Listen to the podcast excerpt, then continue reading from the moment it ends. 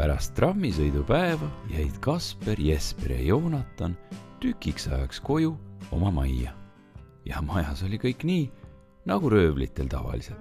kõik oli pilla-palla ja iga päev nääklesid röövlid selle üle, kes peaks koduseid töid tegema. segadus läks aina suuremaks. ühelegi neist ei meeldinud koristada ja keegi ei koristanudki midagi. ühelegi neist ei meeldinud nõusid pesta ja keegi ei pesnud midagi. sellepärast vedeles kõik ümberringi laiali ja keegi ei teadnud, kus miski asi on. Kasper, Jesper ja Joonatan seerisid aina mööda maja ringi ja otsisid särke, pükse, tasse ja toidunõusid taga. selles majas on võimatu midagi üles leida, ütles Kasper. ma olen nüüd kõik kohad läbi otsinud, aga minu sokid on kadunud ja jäävadki kadunuks. kindlasti on lõvi nad ära söönud, arvas Joonatan. ta nimelt armastab sokke. nüüd sai Kasper vihaseks. ilm lõpmata süüdistate te kõigis lõvi. alati, kui midagi viltu on, siis on lõvi süüdi. see oli igatahes lõvist inetu tegu, et ta mul tookord suure varba otsast ära hammustas, ütles Jesper. võtab meelemõruks küll, kui sa suurest varbast ilma jääd. See juhtus ainult sellepärast, et lõvi oli tol päeval kangesti näljane, ütles Joonatan. ja ei ole ju kuigi lõbus näljane olla. muide, kas me ei peaks natuke sööma, varsti on öö käes ja, ja me ei ole isegi lõunat söönud. aga kas sa tead, miks see nii on? sellepärast, et keegi ei viitsi süüa teha, ütles Kasper.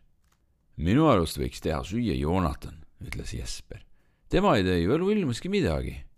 kuid selle koha pealt vaidles Joonatan vastu. ei tea, mis mõnu on üldse röövel olla, kui sa kogu aeg pead tööd rabama. ja muide, see olin ju mina, kes eile ühe paja toitu tegi. siis peab Jesper süüa tegema, ütles Kasper seepeale solvus Jesper. no see oleks ju kohutavalt ebaõiglane, sest mina söön ju vähem kui teie kahekesi koos. Jesper läks sellegipoolest kööki ja hakkas padade ja potikaantega kõlistama. kuid siis mõtles ta ümber, lasi potil põrandale kukkuda ja ütles. mina süüa ei tee. eks ta ole, ütles Kasper. siis ei saa süüa kah. küll on kurb, sõnas Joonatan ala ilma üks ja seesama jant, ütles Kasper. keegi ei taha koristada ja, ja keegi ei koristagi, keegi ei taha süüa teha ja keegi ei teegi. ma ütlen teile, mida meil tarvis oleks. Meil peaks naisterahvas majas olema. seda küll, ütles Jesper. üks tõeline korralik perenaine. siis ei pruugiks me ise midagi teha, rõõmustas Joonatan. just seda meil tarvis olekski aga meie majas ei taha vist mitte keegi elada, arvas Jesper ja sellega tuli kõigil kolmel nõustuda. siis tekkis Joonatanil hea mõte. Võib-olla saaksime kellegi siia röövida, ütles ta. nüüd läksid kõik elevile, isegi lõvi, kes voodis lesis, tõstis pea ja jäi kuulatama. see peaks olema keegi niisugune, kes oskab hästi sigade ja lõvide eest hoolitseda, ütles Kasper. ja, ja kes oskab hästi maja korras hoida, lausus Jesper. ja kes oskab maitsvat toitu teha, lisas Joonatan. Kasper muigas kavalalt ma arvan, et ma tunnen ühte niisugust, ütles ta. kes see on, küsis Jesper. no ütle ruttu, ütles Joonatan. vaadake, ütles Kasper. me röövime siia preilitädi Sofie, sest tema oskab hiiglama hästi süüa teha ja maja korras hoida. see on hea mõte, ütles Jesper. aga ta on vist hirmus kuri, arvas Joonatan. kuri, ütles Kasper. meiesugused kolm suurt röövlit ei karda, ei karda ometi ühte naisterahvast. ma mõtlesin praegu ühest teisest asjast, ütles Kasper. kuidas me ta siia röövime? see on väga lihtne, seletas Kasper. me röövime ta kohe täna öösel. me hiilime linna ja siis sinna majja, kus ta elab ja röövime ta magamise ajal ära. aga äkki ta ärkab üles, kahtles Joonatan. ei ärka tühti, siis on asi otsustatud, ütlesid kõik kolm ja hakkasid end linna minekuks valmis seadma. kas me võtame lõvi ka kaasa, küsis Jesper. lõvi me ei võta, ütles Kasper. ta teeb ilmaasjata palju lärmi. ajage ta Joonatani voodisse ja pange uks korralikult lukku. on meil võtmed kaasas? võtmed on siin, ütles Jesper suurt võtmekimpu kõlistades. Kaspar võttis seinalt laterna. noh, kas kõik on valmis? küsis ta. kõik on valmis, vastasid teised kaks. siis astusid nad linna poole teele.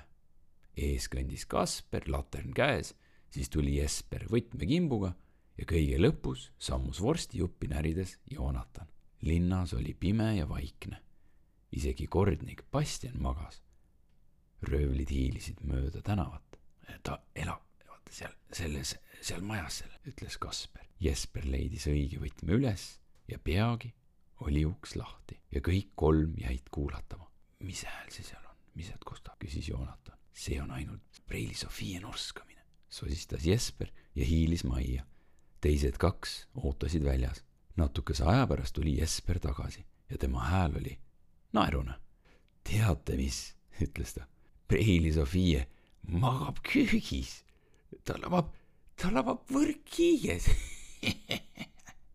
oh, hiiglavahva, ütles Kasper. no siis tõstame lihtsalt võrkkiige konksude otsast maha ja võtame Sofia kõige, kõige täiega kaasa. ja sina, Joonatan, ootad siin? just nii, ütles Joonatan. Öeldud, tehtud. Joonatan seisis laternaga väljas valves, sellal kui Kasper ja Jesper hiilisid kööki, tõstsid võrkkiige ettevaatlikult konksude otsast maha, kandsid selle välja ühe ja tassisid koju röövlite majja.